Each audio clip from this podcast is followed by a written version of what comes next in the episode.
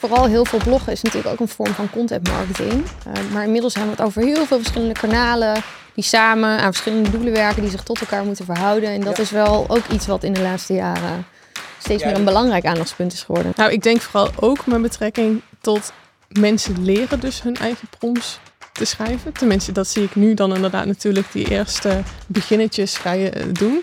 Ik denk dat we daar ook veel meer naartoe gaan. Dat we dat ook onze professionals veel meer aanleren. Van laten we ja, van een vak ja, schrijven. Ja, ja, dat denk ik wel. Nou, laat ik even beginnen met de vraag aan jou. Is AI dan het gouden ei? Uh, ja. Ja? Ja. Oké. Ik ben er iets sceptischer dan.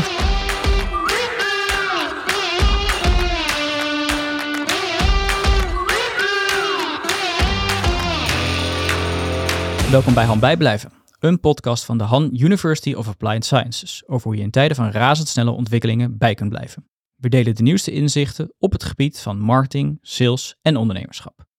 En hopen je daar iedere aflevering mee te inspireren. Mijn naam is Danny Oosterveer. Als auteur en spreker over datagedreven marketing wil ik mezelf en anderen bijleren over het gebruik van data en nieuwe technologie. En dat doe ik vandaag niet alleen, uh, want ik heb niet één, niet twee, maar drie gasten. Uh, onder andere Daphne Hagman en Carmen Quint. Uh, zij doen binnen het uh, HAN-lectoraat Human Communication Development onderzoek en helpen organisaties met hoe ze impactvol kunnen communiceren met hun doelgroep door middel van content. En ik onderzoek, onder andere naar de effectieve inzet van social media door gemeenten, maar nog andere dingen. daar ga je straks hopelijk meer over vertellen. en jullie zijn docent, allebei aan de HAN voor de opleiding communicatie. En daar is er nog Aljo, Aljo Hartges. Uh, Aljo samen met Sjoerd, eigenaar van De Podcasters, waar ook deze podcast wordt opgenomen. En hoofddocent van de HAN Post-HBO-opleiding, Content Marketing en Contentstrategie. Nou, daar hebben we het moeilijkste van de podcast al gehad. Deze ja, hele Zo, ja. nu kan ik ontspannen. hey, we gaan het vandaag hebben over content. Um, en misschien is goed, voordat we het gaan hebben over nu en wat we vooruit gaan kijken, zou ik eigenlijk eerst samen met jullie hebben over, nou, waar komen we eigenlijk vandaan? Want ja, vanaf wanneer begonnen we het eigenlijk te hebben over content en content marketing? Ja, de term bestaat uh, sinds de jaren negentig ongeveer. Maar uh, content is er eigenlijk al veel langer. Vanaf de 19e eeuw. Ik zat het laatst te googlen. Ik dacht, wat zijn nou uh, leuke voorbeelden van vroeger? John Deere, de tractoren. Die had in de 19e eeuw, eind 19e eeuw al een corporate magazine voor hun klanten. Oké. Ja, dat is eigenlijk al voor van content. is eigenlijk ook al content, ja. Dus hoe, ja. hoe lang bestaat het al? 150 jaar of zo? Uh, ja. Behoorlijke tijd. Ja, het volgens mij pas echt het, het beetje naam gegeven in de ja, jaren 2010 ongeveer, denk ik. Nee, daarvoor nog. Daarvoor 4, 94 was geloof ik de eerste waar die in literatuur uh, terugkomt. Ja. ja, in 1994 al? Ja. Oh, dan is dat toch een stuk langer eigenlijk al dan wat ik dacht. Zelf dacht, ja, ik ook inderdaad. Want in mijn herinnering was het toch vooral, we hadden het eerst instantie over social, social, social. en ineens werd dat content. Ja. ja. Klopt dat dat het sinds die tijd, dat het een wat meer algemener, wat meer, veel ja, wat meer gebruikte term is? Ja, wat jij al zei, de zero's, hè, daarin is het wel een groot genoemde, gedragen term geworden. Ja. ja. En heeft ook eigenlijk een beetje naam gekregen. Ja, ik was... Hetgene wat we daar eerst onder vonden vallen, hebben we nu uiteindelijk de naam content gegeven. Terwijl dat was natuurlijk vooraf ook al uh, het geval. Ja, het is 2000, 10, 11 ongeveer begon ik met, met Facebook marketing. Uh, daar ken ik Danny eigenlijk ook van. Uh, heel veel gedaan voor de Marketing Facts website en, uh, en ook de Facebook pagina. Die hebben we samen eigenlijk groot gemaakt. Zeker. Uh, en toen kwamen we er eigenlijk achter van ja, eigenlijk alles wat we plaatsen, dat, dat, dat is eigenlijk gewoon content. Uh, maar dan in een andere vorm. Um, en daar is het denk ik, ik denk dat toen echt een beetje dat, dat content marketing ook gewoon wel wat bekender is geworden als, als, als, als term. Wat ruimer begrip. Ja, wat ruimer begrip alleen is geworden. socials. Ja, herken ik wel. Ja. En is dat ook een beetje de tijd dat dit ja, veel groter, dat het echt een discipline op zich is, is, is gaan worden?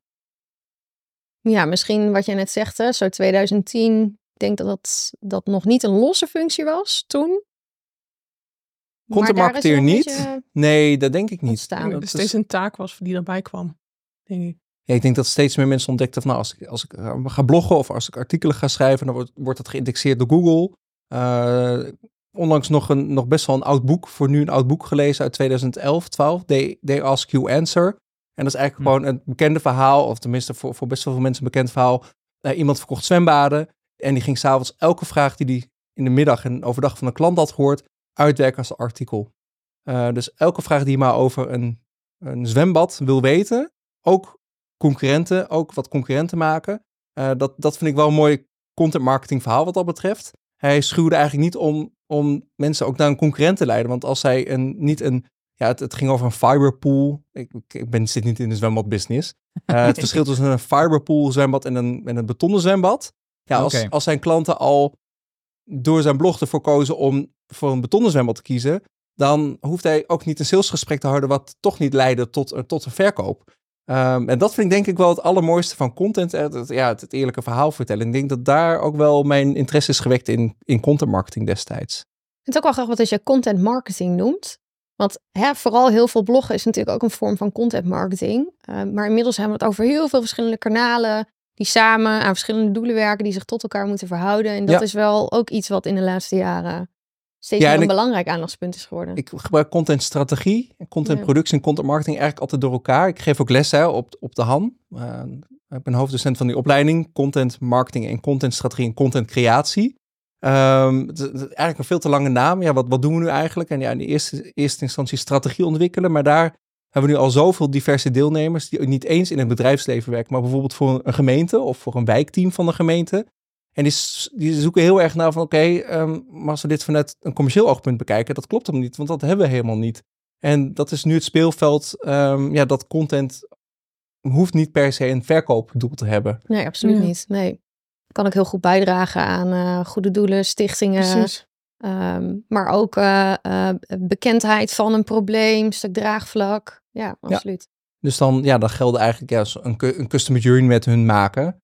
Um, ja, die, die, klantreis is wel, maar die, die laatste stap die we dan vaak zien, of nou, de laatste stap is, is, is, is, uh, is eigenlijk verkopen. En eigenlijk is de laatste stap natuurlijk uh, ambassadeurschap. Uh, maar die, die, die belangrijke stap voor marketeers of voor salesmensen is, is, is verkopen. Um, ja, die hebben zij niet. Het liefst verkopen ze niks namelijk. het woord klantreis biedt ook al vaak een hele hoop verwarring, hè? Ja. Want we hebben geen klanten. Maar nee. Ja. Vervangen door en inwonerreis, dat, gaan we in die opleiding dan. Ja, nou, dat gaan we in die opleiding dan vervangen voor andere, voor andere termen. Maar dat, uh, dat, ja, dat is het vak tegenwoordig ook. Ja. Het is heel snel aan het veranderen. Hey, en als ik dan toch, eh, als ik het heb, want jij, jij noemt net uh, uh, dat, dat boek, dat zegt ook eigenlijk, daar zit ook al een beetje in, want ik ben benieuwd hoe jullie dat dan zien. Hè? Past, past het dan eigenlijk helemaal in die ontwikkeling van, want communicatie was heel lang eigenlijk gewoon push. Hè? Als je toch gaat nadenken over van, nou, op een gegeven moment was het tv, daar kwam radio, dus heel erg massamedia, heel erg zenden, hè? Van, van, uh, van, van mij naar ons en je verwacht zeg maar niks terug. Is dat inderdaad, is jullie content marketing echt als de ommekeer van die trend, dat het veel minder gaat over het zenden, maar veel meer over juist de andere kant? Dat bewegen vanuit, ja, wat wordt er gevraagd? Ja, dat denk ik wel. Ik denk ook dat je daarmee steeds meer mensen dus naar je toe wil trekken.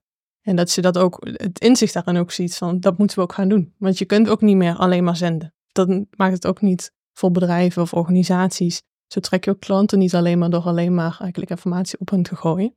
Maar ook te zien van, wie is onze doelgroep en waar hebben zij behoefte aan? En laat ze maar naar ons toe komen. Ja.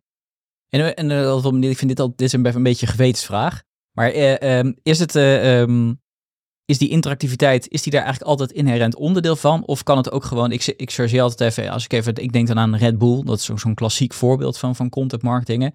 Zij kijken gewoon vooral heel erg naar wat vinden mensen leuk. En die interactiviteit, dat doet er dan misschien minder toe. Maar in hoeverre zien jullie juist die interactiviteit wel als onderdeel van uh, content marketing? Nou, misschien is de vraag die er nog boven hangt: hoe uh, krijg je de klant in beeld en zorg je dat je meerwaarde biedt? En dat kan natuurlijk door interactie aan te gaan, maar ook aan de voorkant goed in beeld brengen waar de doelgroep nu behoefte aan heeft rondom jouw product, je dienst, je expertise er ook omheen. Um, dat maakt volgens mij ook dat je zorgt dat je klantgericht bezig bent. He, dus wat jij net, het voorbeeld wat jij net schetste over de zwembaden. Ik wil een zwembad aanschaffen, is een hele belangrijke klantvraag. Dus ik ga er een blog over schrijven. Um, dus moet er altijd interactie, interactie in zitten? Uh, nee, moet niet. Nee. Um, maar je ontkomt er ook niet aan, denk ik. Um, dat, hè, dat jouw content ook weer reactie oplevert waar je misschien wel iets mee moet. Ja, nee, ik zit hier ook, naar een van die, die boeken hier te kijken. En die heet ook Basisboek Content Marketing en Community Building. building. building. Ja. Dus daar zit die interactiviteit natuurlijk al in. Hè? Dus het is wel iets wat je in ieder geval wel heel vaak wel ziet. Dat, dat die component. Ja.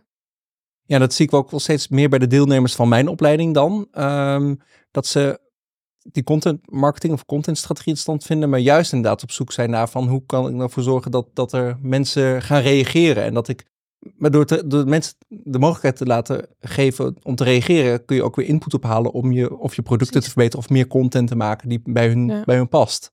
Producten, maar ook processen. Ja. ja. Ik denk dat dat in de content marketing wel eens vergeten was. Ik ben heel blij dat dat hoofdstuk of die hoofdstukken in dat boek zijn verwerkt. Omdat het best wel, content marketing, tenminste vanuit, vanuit wat, wat ik doe, is dat best wel vaak toch nog steeds zenden is. Of in ieder geval, oké, laten we zo goed mogelijk op zoekwoorden inspelen. Uh, nou, dat trucje kennen jij en ik, Danny, best wel goed eigenlijk. Um, um, maar dat het veel meer gaat om die community uh, die, er dan, die er dan achter zit. Nou, dat zien wij nu ook wel met, met, met wat wij, ja, Danny en ik, hebben samen een podcast. Um, dat we zien dat de community eigenlijk heel belangrijk is voor ons. Om ja. ook weer meer podcasts te kunnen maken. Uh, met heel veel inhoud. Ja, en daar putten jullie ook wel weer wat uit. Want door die community weten jullie ook wat er speelt. En waar je op gaat inspelen, waar ja, we voor een aflevering Sterker nog, we krijgen wekelijks uh, verzoeken van, kunnen jullie dit eens uit gaan zoeken? Of misschien moeten jullie hier artikelen over schrijven. Ja. Dan reageer ik altijd, ik kan gewoon een auteursaccount uh, voor je aanmaken. Dan kun je het zelf schrijven. Ja. Uh, dat, daar happen ze nog niet allemaal op, maar dat, dat, dat is wel de volgende stap van zo'n community bouwen. Ja. ja, dus het is ook samen met je doelgroep en andere experts. Ja, ja die weten veel meer dan dat wij weten. Wij geven eigenlijk maar een voorzetje. Uh, en zij zijn in een Telegram community die we hebben. Daar zitten nu 245, moet toch zeggen, hoofdzakelijk mannen uh, van middelbare leeftijd in. ja, kies je doelgroep, hè? Um, Wit ook. Waarschijnlijk wel. Ja, ja nee, dat, ja, dat, wilde ik, dat durfde ik eigenlijk niet te zeggen, maar ik, ik gok zo van wel. Um, die eigenlijk veel meer met elkaar uitwisselen dan wij aankunnen. Een dag in die community niet gekeken, ja, dan kun je een hele avond uh, de antwoorden en de vragen die ze aan elkaar stellen uh, doornemen. Ja. Dat is eigenlijk best wel, best wel tof. En ik denk dat dat echt de essentie is van, van contentstrategie tegenwoordig. Hey, ik, ik ben wel benieuwd. We, we, concludeerden net een beetje dat uh, content marketing echt eigenlijk in die zero's dan on, ontstaan is. Maar hoe, ik kan me wel benieuwd van hoe zie jij dat die rol van content zo met de jaren veranderd is sindsdien? Nou, ik denk dat we uh, steeds meer op data ook zijn in gaan spelen. Dus hoe meer we, natuurlijk, we kunnen zoveel dingen nu zien, zoveel analyses, uh, dat we steeds meer daaruit kunnen leren. En door de, steeds meer, uh, nou eigenlijk ook toegang te hebben tot die data, kun je dus ook zien wat doen mijn gebruikers, wat doen mijn klanten, wat doen de mensen die ik graag wil bereiken. En kunnen we daarom denken, nou, inderdaad, wat zijn dan die zoekresultaten? Wat is nou, waar klikken ze wel of niet op? Dus ik denk dat dat een enorme overgang is geweest die we, die we hebben gezien. En waar we dus ook gebruik van kunnen maken. Ja, en is dat ook iets uh, um, wat je uh, bijvoorbeeld ook is, zie je dat ook al heel erg terug in het onderwijs? Want jullie staan natuurlijk met, ook met één uh, been in het, in het onderwijs, ja. maar komt dat daar ook al veel meer in terug? Nou, ik denk wat, wat wel iets is wat we willen meegeven. Natuurlijk sowieso als allereerste stap van ken je doelgroep. Volgens mij begint het daar altijd mee. Van weet heel goed wie ja, je nu voor zeker. je hebt.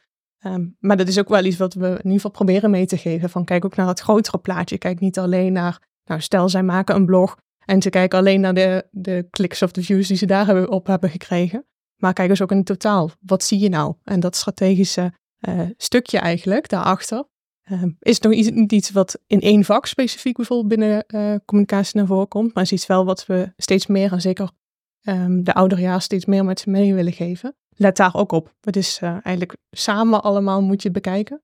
In plaats van één op één te zien van wat doet dat in een blogje en is dat nou succesvol of is mijn TikTok-video, oh die is viral. Ja, dus de, de, de, de, de praktische stuk, hè, de, de content die gepubliceerd wordt, dat kun je vaak nog wel, hè, daar kun je best wel dingetjes van meten, maar het grotere ja. plaatje, dat is, uh, ik, ik, hoor, ik merk dat zelf ook wel vaak hoor, dat, dat meetbaarheid daar toch wel nog wel een uitdaging ja. uh, is. Hebben jullie daar goede voorbeelden van over hoe dat uh, in de praktijk wordt toegepast?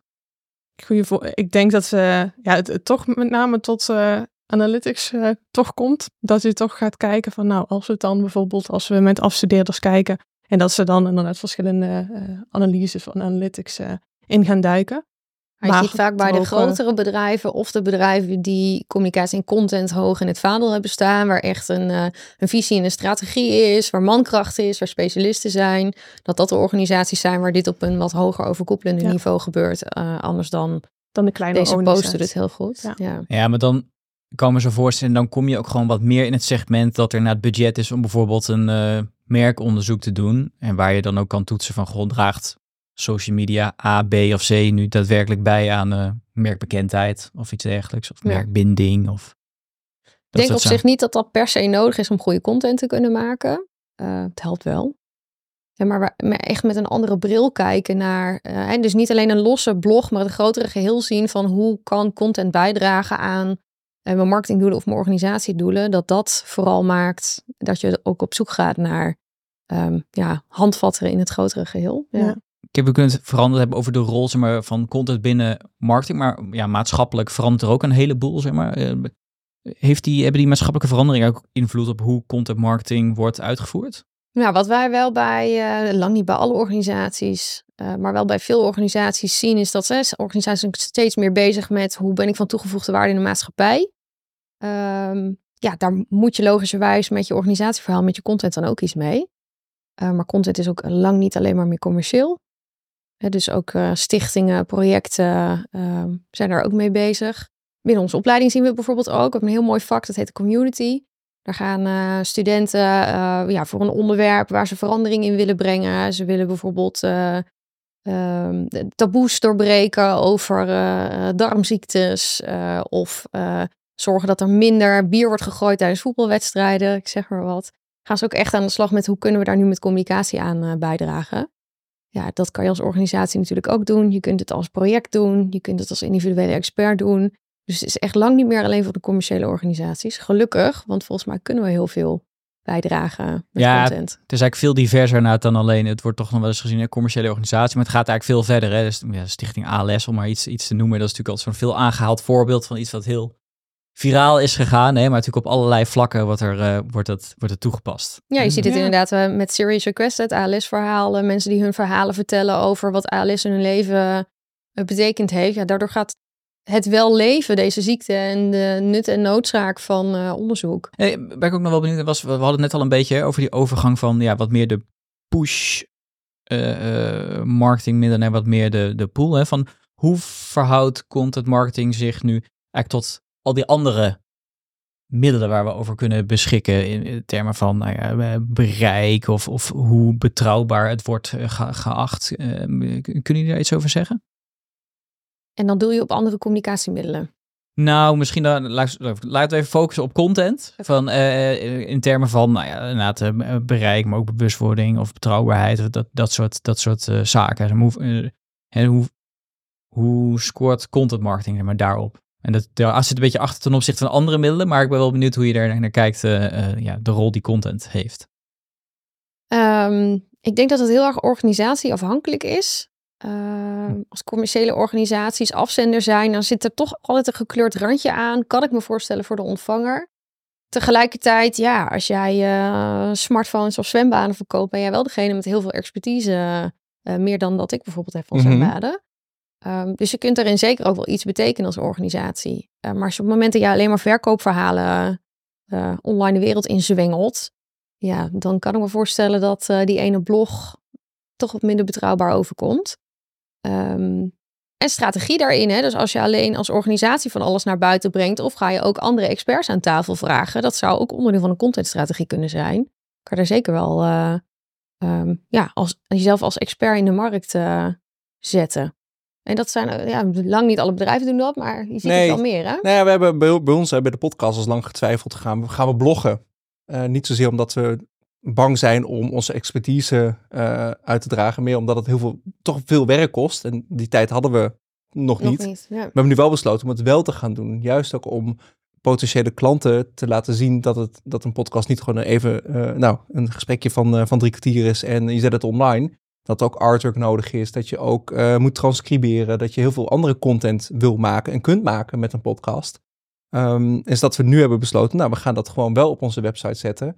Um, ja, en als andere mensen daar um, gebruik van willen maken, prima. En de mensen die snappen, oké, dit zijn echt experts in de podcastmarkt. Ja, dan dat ze bij ons aan het goede adres zijn. Dus ik ben ook, het zwembadverhaal, ik ben er niet zo heel erg bang voor om die content of om die kennis weg te geven.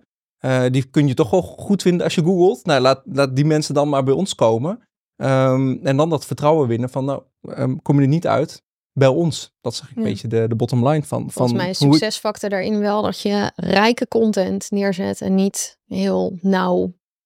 Toch? Je wilt het in de breedheid je expertise laten zien. Ja. ja. ja. Ehm, en zo doen we dat natuurlijk ook met, nou, we hebben een podcast, De Groene Nerds. Dat zijn Danny en Nick. Daar zit een platform bij, er zit een community bij. Ehm, en dat is helemaal geen commerciële content. We, worden soms betaald door een editorial of door een sponsor. Eigenlijk is de meeste content die we maken echt help content. Hoe zorg je ervoor dat je je omvormer kunt uitzetten automatisch als de zon schijnt en je hebt een dynamisch energiecontract. Nou, dat zijn wel de best gelezen uh, ja, het is heel neurderig Ik wilde net ja, zeggen, ja, je verliest mij nu uh, Nee, precies. meer. je bent ook geen witte, witte man van middelbare leeftijd. Nee, nee dat is ehm, waar. Blijkt ja? weer. Ja, precies. Um, maar um, uh, dat is wel content die best wel veel gelezen wordt. En, ook gewoon, en dat zien we dan weer in de statistieken. Daarom vind ik data wel belangrijk. Dat het ook content is die lang gelezen wordt. Dus dat, dat het echt waardevolle content is voor die persoon op dat moment. En ook wel die houdbaarheid heeft, hè?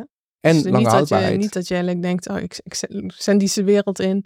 En dat is eigenlijk voor één maand relevant. Nou ja, soms kan dat heel succesvol zijn. Um, we hebben een, een uh, nou, ik heb, nou, nu we toch over, um, misschien over AI gaan hebben en content, um, een artikel geschreven in vijf minuten met ChatGPT mm Pro.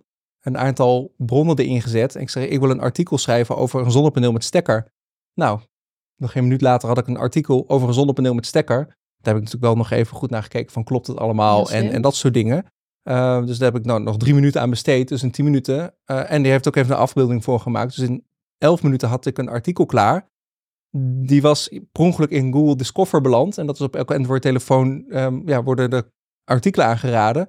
Ja, in één weekend 170.000 keer vertoond. 11% CTR, click-through rate. Dus dat was 17.000, 18.000 bezoekers in een, in een, een weekendje. In een weekend. Ja, en die content is heel vluchtig. Uh, alhoewel het, het, steeds meer mensen zijn op zoek naar dat soort oplossingen. Dus misschien is het wel goede content. En misschien is dit wel iets om na te denken van oké, hier moeten we dus meer over gaan schrijven. En dan wel wat meer inhoudelijk van kan het wel, mag het wel en hoe werkt het. Uh, maar daar zien we dus wel effect in. Uh, in, ja, in hoe je met hele vluchtige content een hele groot aantal bezoekers. Maar zijn dat dan bezoekers die je echt op je platform wil? Zijn dat bezoekers die vaker terugkomen? Uh, zijn het bezoekers die zich inschrijven voor de nieuwsbrief? Nou, een heleboel wel. Dus dat vond ik ook weer een mooie graadmeter. Toch 170 nieuwsbriefabonnees erbij. Of ik nou heel gelukkig word van die content? Ik weet het niet. Danny in ieder geval niet. Um, maar ik vond het aantal abonnees uh, voor de nieuwsbrief vond ik wel, uh, vond ik wel, uh, vond ik wel dat ja, Het was duidelijk relevant bezoek, dus ja. nee, daar ja. was ik ook zeker wel, daar was ik ook wel blij mee hoor. Um, ja, maar volgens mij, hè, ik, ik denk even, soort, even toch teruggrijpen op waar we het net over hadden. Ik denk dat we best wel uh, kunnen uh, concluderen dat het, hè, eigenlijk wat jij zei, het hangt heel erg af van eigenlijk hoe je het eigenlijk uitvoert. Maar in de praktijk zie je wel best wel vaak. Ik vind dat voorbeeld van het zwembad inderdaad heel mooi. Was het Gary Vaynerchuk of niet? Of is het, uh, nee. Het is weer, was het van de ehm, wijn? Ik vergeet altijd. Ja, ik nee, de, de, de pool guy is... Um, zet in de show notes. Ja, zet in de show notes. Het boek is wel echt, echt heel leuk om, om gewoon te lezen. Het is gewoon heel praktisch, gewoon heel simpel. Nee, ik, ik, ik, ken het voorbeeld inderdaad wel. Maar ik denk dat het allemaal mooie voorbeelden zijn van organisaties die zich kennisleiderschap willen claimen. En daar zit, wat jij, wat jij zei, kan die lange adem, die zit er ook heel erg bij. Hè? Dus dat je dat natuurlijk lang wil doen. En dat draagt dan bij aan betrouwbaarheid. Maar dat, dat, geldt natuurlijk niet voor elk merk dat content marketing wil toepassen. Nee. Uh, jij, jij had eigenlijk al een mooi bruggetje al, joh. Je had het over AI. Ja. Um, ja, ik ben wel benieuwd hoe kijk je naar de impact van, uh, van, van AI op, op content. Want ja, daar kunnen we niet omheen. Nou, laat ik even beginnen met de vraag aan jou. Is AI dan het gouden ei? Uh, ja. Ja? Ja. Oké. Ik ben er iets sceptischer in gelopen. Wat maakte dat voor jou? Nou, ik, ik merk dat, dat in, in onze business, um, zowel met, met de Groene Nerds als met dat platform wat we hebben uh, en, en voor, voor de podcasters, is dat we um, binnen dezelfde tijd veel meer kunnen doen. Ja. Um, en zo zie ik het ook echt. Dus ik zie het niet echt als vervanger, maar ik, zie, ik denk echt, nou, de, deze podcast wordt ook ondertiteld. Mm -hmm. Had je vroeger heel veel tijd voor nodig. Want al dat geraaskal van mij moet je toch maar onthouden uh, en, en overtypen. Dat is best wel veel werk. Daar hebben we AI voor. Dus, ja, dus binnen... Dus de AI, de audio met AI is beter dan de audio zonder Ik denk dat de audio met AI veel leuker is. ja, in ieder geval ook te lezen voor mensen die niet kunnen kijken. Uh, en dan zitten we ook weer op digitale toegankelijkheid. Ja. Ja. Ik denk dat je um, dat iedereen die videocontent maakt, dat nu gewoon heel makkelijk kan ondertitelen met AI. En dus eigenlijk helemaal geen reden meer heeft om het niet te ondertitelen voor mensen die, uh, die blind zijn of slechtziend zijn, maar die dat gewoon kunnen, uh, kunnen horen. En andersom, want ik moet altijd even nadenken van wat doe je voor wie. Um, titelen doe je niet voor blinde mensen? Nee, dat doe je voor. voor slechthorende en dove mensen. Zie je, soms gaan we een hoop de hele andere kant op. En, en aan de andere kant, het transcriberen van podcast kun je ook wel weer laten uitspreken door, door een stem. Dus ja. Um, En zo, zo zie ik AI al wel als gouden ei tegenwoordig. En zeker in, nu in deze jaren, om het op die manier in te zetten. Ja, het is meer een samenwerking. Ja, echt voor jou, voor jou te, laten werken. Ja. ja. Geen vervanger van uh, content marketeers, wat mij betreft. Zeker niet. Maar die content marketeers krijgen wel een veel leukere baan, omdat ze de stomme klusjes gewoon uh, aan AI kunnen overlaten. Ja. Oh. ja. ja. volgens mij was jouw vraag hoe verandert, uh, hoe verandert AI de rol van een content marketeer? Ja. Volgens mij kun je AI voor uh, veel verschillende dingen inzetten. Hè? Dus één is contentproductie uh, of onderdelen, wat jij ook net noemt met uh, ondertiteling bijvoorbeeld. Um, je kunt AI volgens mij ook heel goed inzetten um, in, een, in een creatief proces. dus meer in andere ideeën opdoen. Juist het grotere plaatje wat je neer wil zetten met je content. we hebben heel veel tools de laatste tijd voorbij zien komen waarmee je ook data kan analyseren. Um, Die is voor ons nog een beetje een spannende, want je geeft wel al je data bloot. Dus we zijn wel een beetje aan het zoeken naar wat, wat kun je er nou precies mee. Uh, maar goed, daar zou je eigen GPT's bijvoorbeeld weer voor kunnen bouwen. Ja, even voor de, eh, voor, voor de luisteraars. Het zijn, je kunt inderdaad zelf, eigenlijk, het is allemaal open source. Hè, dus je kunt ook zelf zo'n AI lokaal draaien en dan gaat die data niet naar een uh, grotere technologische reus, maar dan blijft het eigenlijk in jouw eigen model. Hè? Dat is, uh, hopelijk ook binnen Europa, afhankelijk van waar de servers staan. Hè? Ja. Want data, privacy, ja. Ja, check. Ja. Um, ja, dus uh, AI als maker, AI als creative, AI als analist, als sparringspartner om de producten die je al hebt te verbeteren.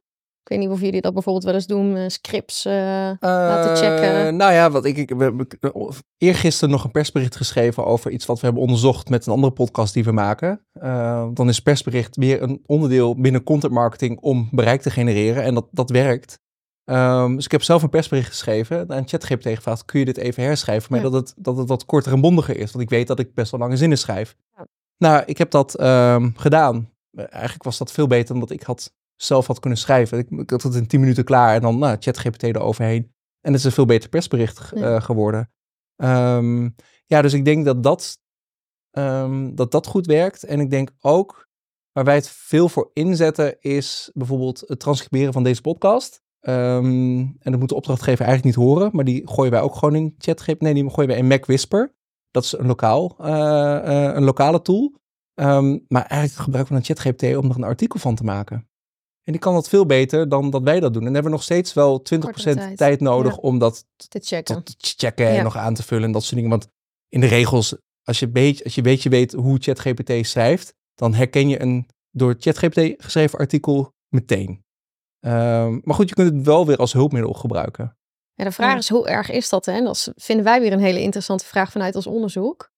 Um, dus ja, de rol van de content marketing verandert. Daar zijn we zelfs zo erg van overtuigd dat we bij de opleiding communicatie vanaf februari, dus volgende maand, starten met de minor content marketing met AI. Oh, Daar gaan we ook met deze rollen aan de slag die ik uh, net noemde.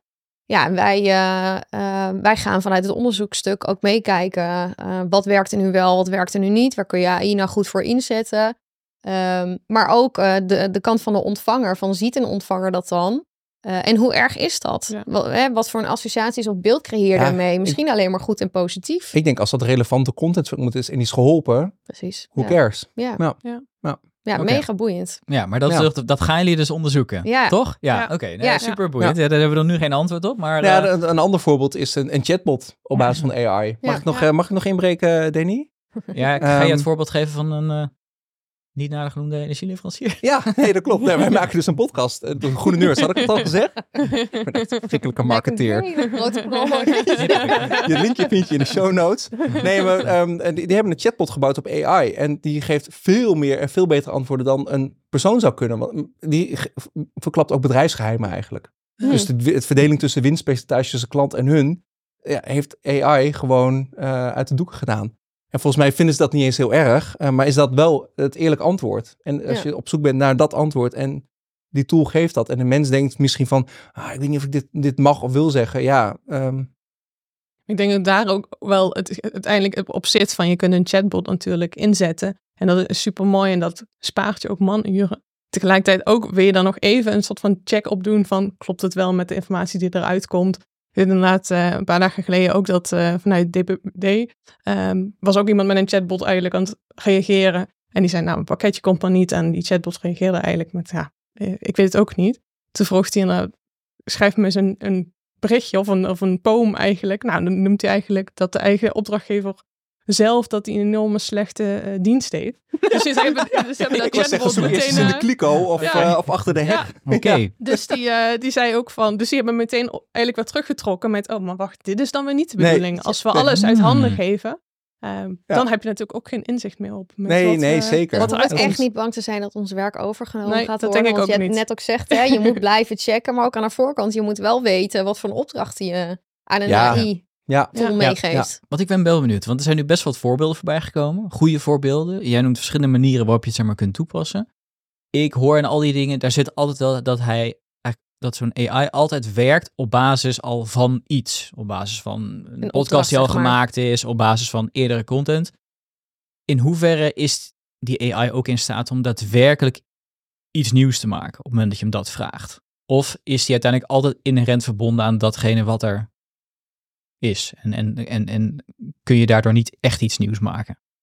Goeie vraag. Ja. Bijna filosofisch dit, Ja. ja. Het is ook wel moeilijk om hem daarop en eens in antwoord Ik wil zeggen, alle tools die ik ken, die zijn gebouwd inderdaad op bestaande data. Ofwel openbare data, ofwel uh, van een bedrijf specifiek. Hè? Dus zoveel mogelijk documenten in de tone of voice van. En schrijf nu een volgend stuk content uh, binnen onze tone of voice. Um, ja, je moet e-, echt, echt intelligente systemen, die zouden op een gegeven moment ook wel met nieuwe ideeën moeten kunnen komen. Ik heb niet de indruk dat we um, al op menselijke intelligentie uh, zitten met systemen. Voor zover ik dat als, uh, ja, wat ben ik? Alpha, gamma, opgeleid. Geen beta, wetenschap nee, in ieder nee, geval. Nee, geen van ons. Ik ben gewoon een hele praktische contentmaker. Dus uh, ik weet het eigenlijk ook niet.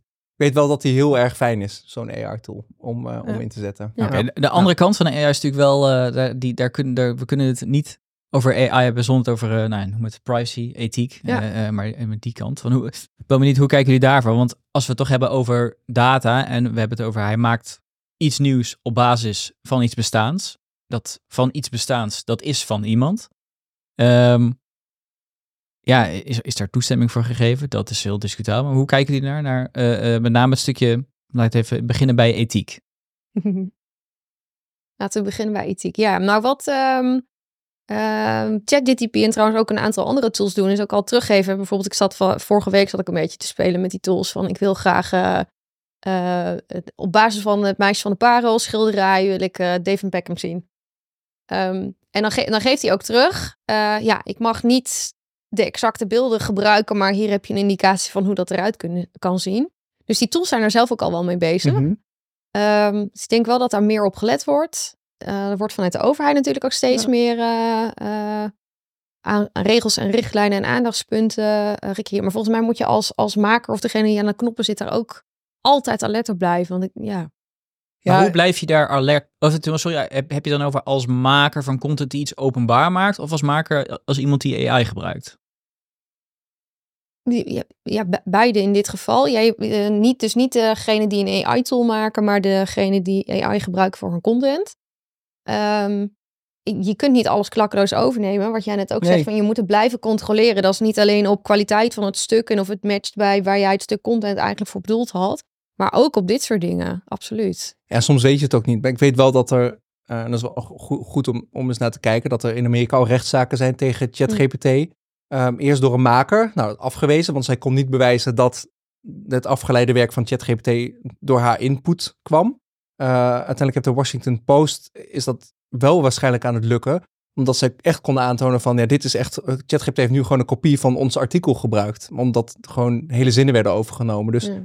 Ik denk dat je daar als contentmaker goed op moet letten. Ik denk dat je heel goed moet kijken welke tools ga je wel en niet gebruiken en waarom gebruik je ze.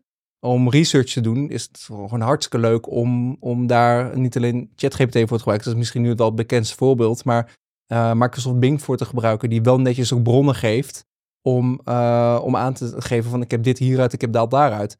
En andersom, als contentmaker vind ik het heel leuk om, chat of om Bing ehm, eh, input te geven over een onderwerp waar wij zelf over hebben geschreven, om te kijken of wij worden meegenomen als bron.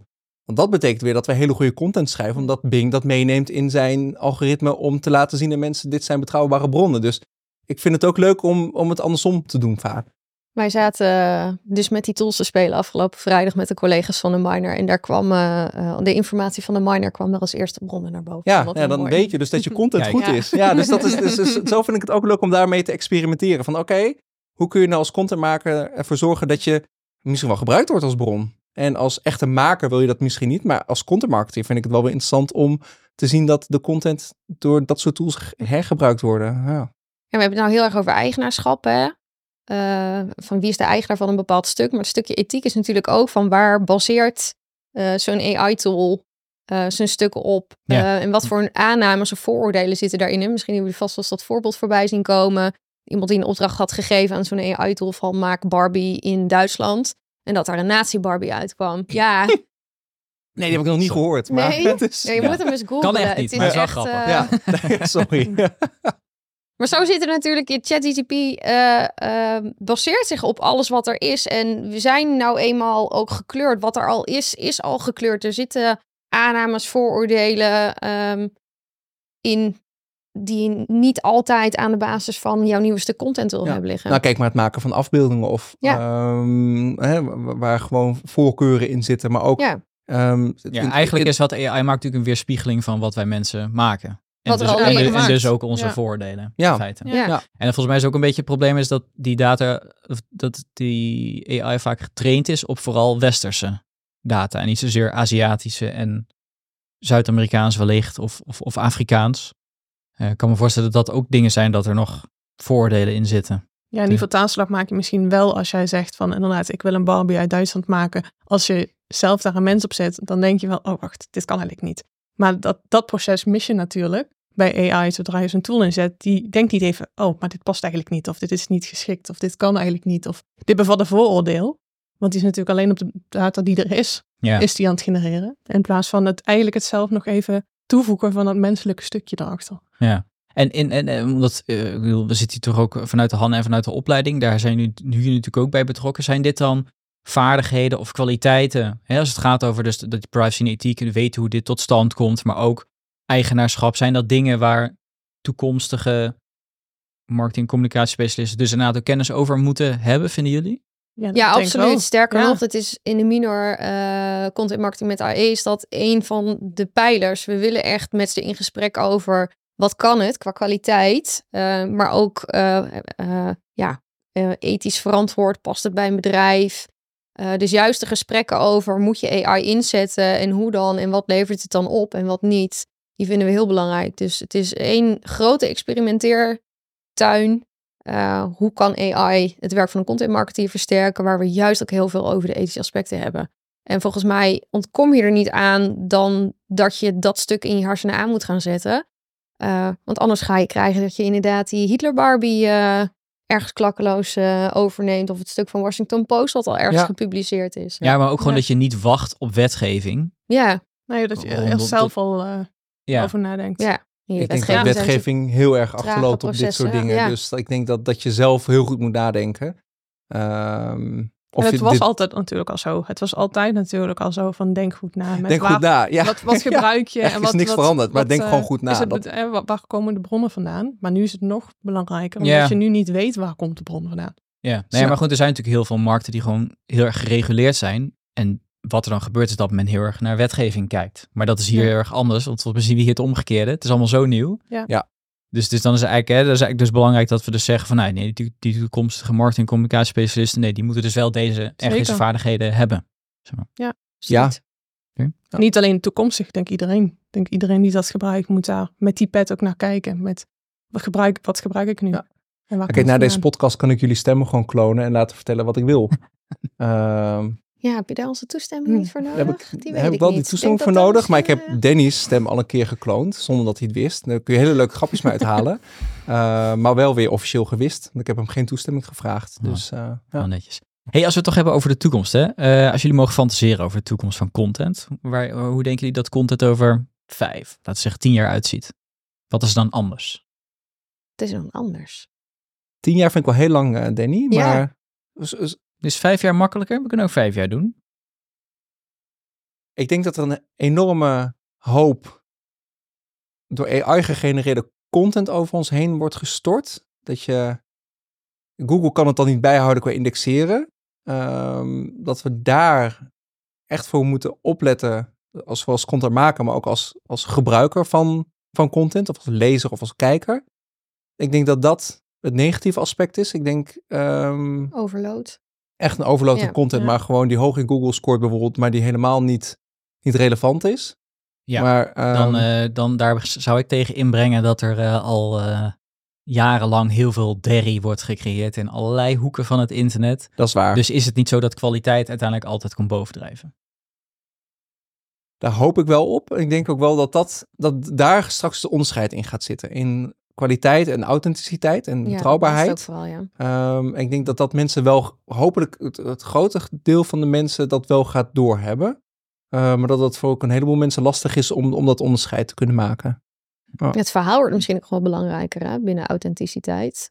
Stuk. Ja. Ja. Dus wie ben jij nou echt als organisatie? Wat zijn je waarden en hoe eh, laat je dat ook in je content zien? Ja. ChatGTP kan dat niet, nog niet. Er zullen vast tools komen waarin dat eh, beter kan. Dus ook al produceer je heel veel, lukt het misschien wel om dichter bij je organisatie te blijven. Ja. Maar daarvoor zul je echt aan de knoppen moeten gaan zitten.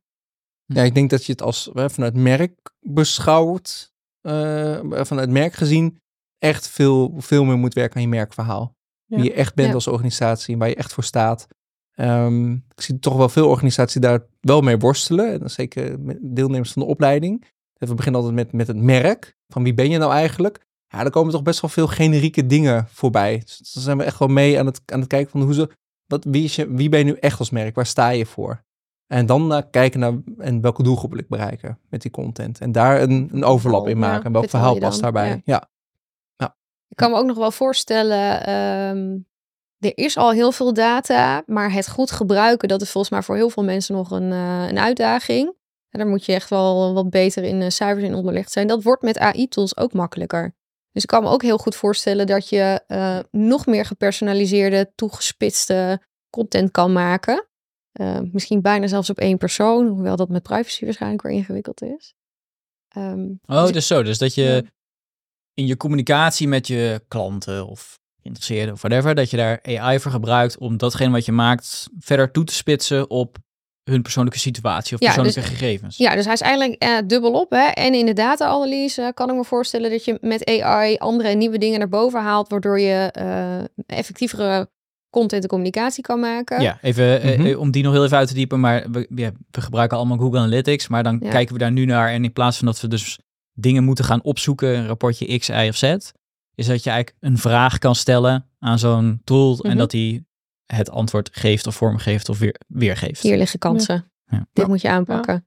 Ja. ja. Uh, dus dat is één, kansen ontdekken ja. in uh, datagebruik met AI. Maar inderdaad, je kunt ook gepersonaliseerde content maken als gevolg daarvan. Ja, hm. dat zie je toch nog vrij weinig. Ja. Ja, nee, ik, denk, ik denk dan aan content aan Albert Heijn. Die heeft een app ik eet vegetarisch. Mhm. Mm -hmm. En toch krijg ik nog steeds, na tien jaar lang vegetarisch online besteld te hebben, uh, vlees in mijn aanbiedingen. Ja. En denk van, hoe heb? moeilijk kan het zijn? Ik heb sinds een maand een kat, twee katten. Maar daarvoor nooit katten gehad. Mm -hmm. Ik heb, uh, ik bestel ook al, ik weet niet hoe lang de Albert Heijn. Ik heb maanden, jarenlang in mijn aanbiedingen kattenproducten gekregen. nooit een kat gehad, nooit de ambitie gehad om katten te ja. nemen. Nu heb ik een kat. Nou krijg ik geen katten ja, je bent tien jaar lang om een kat te nemen en nu ja. hoeft het nou, niet meer. Katten, dat is nou, gewoon de kattenindustrie. Met, ja, hebben ze ja. eindelijk geluisterd. ja, dus, dus ik, ik, denk dat AI nog veel te weinig gebruikt wordt ja. om, om dingen slimmer te maken. Want ik hoef helemaal, ik wil best wel veel zien, maar sommige dingen hoef ik echt niet te zien. Nou, sluit mij dan uit. Ja, ja. dankjewel Albert Heijn. Nee, uh, eens dus we hebben uh, merkverhaal. Mm -hmm. Dat is één. Uh, twee uh, um, is dat we uh, het gebruiken om beter om te gaan met data of meer kunnen met data. Zijn er nog andere ontwikkelingen? Carl, heb jij nog een ontwikkeling die je, waarvan je ziet van nou, ik zie het daar heen bewegen? Oeh, um, nou ik denk vooral ook met betrekking tot mensen leren dus hun eigen prompts te schrijven. Tenminste, dat zie ik nu dan inderdaad natuurlijk die eerste beginnetjes ga je eh, doen. Ik denk dat we daar ook veel meer naartoe gaan. Dat we dat ook onze professionals veel meer aanleren. Van, prompt schrijven. ja, van een vak ja, schrijven. Ja, dat denk ik wel. Dus op een gegeven moment van laat het nou voor je werken. Ehm, en tegelijkertijd ook, maar misschien uh, dan kunnen we even terugkoppelen met inderdaad waar komt nou deze informatie vandaan? Het stukje bewustwording op scholen, ehm, zowel op basisscholen, middelbare scholen en het hogescholen, universiteiten, met waar komt informatie vandaan, die soort van nieuwsmediawijsheid uh, opbouwen daarin. Ik denk dat dat ook nog steeds veel groter wordt met alles wat je natuurlijk aangereikt krijgt. Ja, ja en inherent, in, dat zeg je eigenlijk ook al, hè, van, van als je dus uh, dat uh, beter prompts moet leren schrijven. Dat je eigenlijk ook iedereen ook een beetje wat meer kennis moet hebben over ja, hoe werkt het nu eigenlijk onder de motorkap. Hè? Even zonder dat jij ja.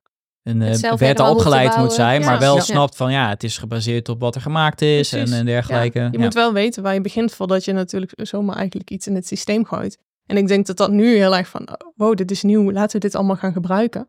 Maar dat we veel meer, we willen daar naartoe. We weten dat het veel meer gaat doen binnen ons vakgebied. Dus dan moeten we ook inderdaad weten waar het vandaan komt en hoe we het dan voor ons kunnen laten gebruiken. En misschien ook nog wel meer met, uh, we hebben heel erg op natuurlijk op één purpose eigenlijk zitten. Um, maar dat zal dadelijk ook nog wel meer zijn dat we AI voor veel meer dingen tegelijkertijd uh, gaan gebruiken. En meer tools die dat samenpakken. Ja. Hey, en uh, nu hebben we het over wat het onderwijs er meer mee zou moeten. Maar de andere kant van het verhaal is ook, dat lees je ook regelmatig studenten die dan vervolgens AI gaan gebruiken om huiswerk te maken. Ik kan me voorstellen dat het ook best wel een uitdaging is voor, voor een school. Ja, het onderwijs zal ook mee moeten veranderen. Zeker als je kijkt naar bepaalde producten, zoals we dat dan noemen. hoe die nu opgeleverd worden. Dus als je student een tekst op een computer laat schrijven. Um, ja, daar kunnen ze nu makkelijk AI voor inzetten. Betekent dat we dus naar andere dingen moeten gaan kijken. Um, dat is wat we bijvoorbeeld in die Miner ook heel erg doen. Hè? Dus je moet nog steeds een goede content marketeer zijn, wel overwogen dingen maken, maar je mag graag zelfs AI ervoor gebruiken. Ga maar kijken hoe het werkt. Maar onderaan de streep moet je nog steeds wel overwogen keuzes hebben gemaakt. Moet het nog steeds goede passende content zijn voor het doel waar je aan werkt. dus op het moment dat je hem wat integraler gaat bekijken, holistischer, um, dan gaat dat prima. Ja, en het handgeschreven verslag komt, komt weer terug. Ja, oh, ja, ja. in sommige vakken is dat voor nu de oplossing. Ja. ChatGPT overschrijven. Echt? Nee, niet ChatGPT overschrijven. Nee. want je mag geen computer erbij hebben. Dan, oh, oké. Dus dat in de... Eigenlijk op het toetsmoment zelf, dat je dan inderdaad je... Echt weer tentamen, oh, wow. samen papier en... Uh, dat is eh, natuurlijk geen duurzame oplossing, maar uh, je kunt ook niet het onderwijs uh, binnen een dag omgooien. Helaas, dat willen soms wel, maar... Oké, nou, ik hoor het al. Ja, er gebeurt in ieder geval genoeg bij jullie. Dat vind ik wel hartstikke leuk. Ja, het is zeker eh, binnen de hele opleiding, trouwens binnen de hele academie bij ons, inclusief bij het onderzoek, echt een groot aandachtspunt ja, uh, waar we ook echt mee aan de slag willen. Ja. ja. Hey, en uh, jullie vertelden al een beetje wat er, wat er qua onderzoek speelt, maar wat voor andere plannen hebben jullie nog met het, met, op het gebied van onderzoek en content? Ja, het begint eigenlijk bij de Mino. Die, daar gaan we inderdaad naartoe om te kijken van, nou, gebruik eens die speeltuin en wat zien we daar? Welke prompts heet je? Um, eigenlijk ook vanaf, nou, als je verschillende studenten met één prompt laat um, schrijven en je geeft een opdracht mee, wat komt er nu uit? Wat voor verschillen zitten er dan intussen? Wat vinden ze daar nu van? Dat is eentje waarmee we willen beginnen. Dus content marketing met AI in de brede zin. Ja. Uh, we hebben natuurlijk best wel veel kennis uh, al ontwikkeld over social media content binnen gemeentelijke context. Dus non-profit stuk ja. vinden wij zelf ook heel interessant en waardevol om te kijken. Niet zozeer hoe kunnen we nu de winst van een commerciële organisatie vergroten. Maar hoe kun je nu doelgroepen op bepaalde thema's bereiken die het ook echt nodig hebben, bijvoorbeeld. En ze hebben ook um, ja, binnen brede welvaart domein projecten lopen, bijvoorbeeld. het zakgeldproject is een heel mooi project, waarbij deelnemers die het minder breed hebben, samen met hun kinderen het gaan hebben over financiële opvoeding. Die kinderen krijgen ook zakgeld. Maar hoe zorg je nu dat je uh, deelnemers bereikt die het ook echt nodig hebben. Ja, hoe zou je daar met content bijvoorbeeld aan bij kunnen dragen? Zou een vervolgonderzoek kunnen zijn.